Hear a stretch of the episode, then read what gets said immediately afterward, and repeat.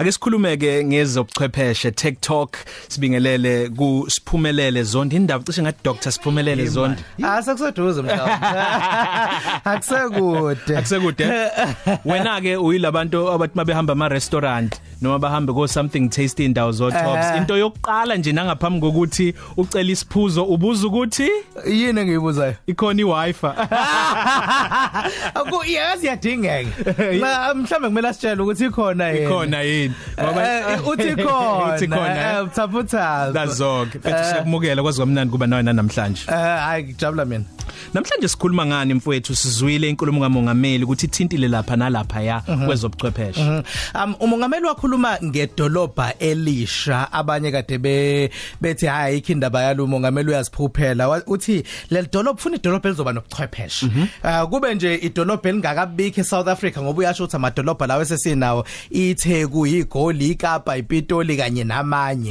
Um ungathi asethanda ukugcwala senabantu abaningi. Uthi idolobha kumele lakhiwe kumele libe nobuxhakaxhaka besimanje manje. Ubuchwepheshe besimanje manje benza impilo ukuthi ibe lula.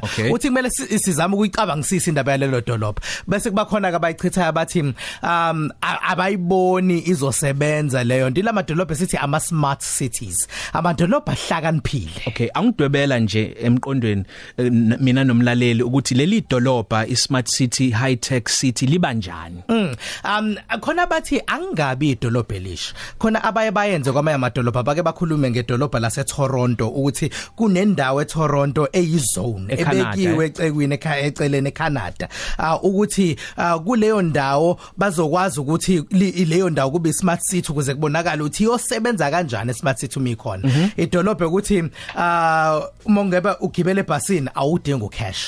Okay. Kunendlela zobuchwepheshe uh, oyisebenzisayo ukuze ukhokhe ebhasini ukuze kwaziwe ukuthi usiya mhlongo ugibelile wakhokha Okay. kule bus kungabe ukusebenzisa umakhala ekhukhwini wakho ngendlela zesimanje manje kungabe ikhadi elithize lesimanje manje bakhuluma nango pavement ngoba kuthi uGoogle um eh, i- i- nenkampani ephethe uGoogle uAlphabet Yep. um uh, bakhona lapho kulolo hlelo lwaleyo smart city yase Toronto eCanada ukuthi upavement ukwazi ukuthatha idatha yabantu ukuthi ukwazi ukwenza impilo zabantu zibe ngconywana Oh. ukuthi uma ngabe abantu bawusebenzisa ngendlela ethize Upavement. upavement uma ngabe uhamba pavement khona la kufike kubhalwe khona ukuthi usiya uthanda ukuhamba Oh. bese kuthi afike unondaba uthanda ukugijima yena kulo Okay. pavement uyajoga bese kufika omunye othanda ukuyona ovele ayokhipha umgqomo bese ahambe ntambama yolanda umgqomo ngakho lo pavement usetshenziswa nga- uyakuprogram Uya- ngamanye u- amazwi yebo uyabona ukuthi oh abantu abahlala kule ndawo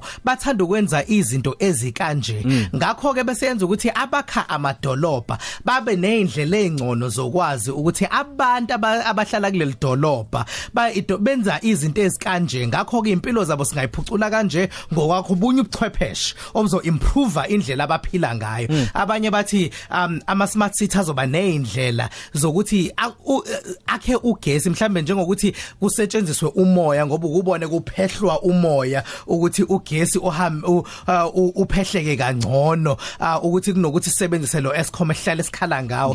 Indawo eziba nomoya kakhulu njengalitheku itheku njengoba lingase lingasolwandle nje uyaphehleka u- angenza isibonelo. njengoba isiphekepheke siphehle ukuthi kuphuma amanzi kudala. Nazo. Sekukhona manje izinto ekuthiwa ama wind turbines yebo, eh, zona eziyiphekepheke eh. zokuthi kuphuma amandla zokuthi kagesi. kuphuma amandla kagesi.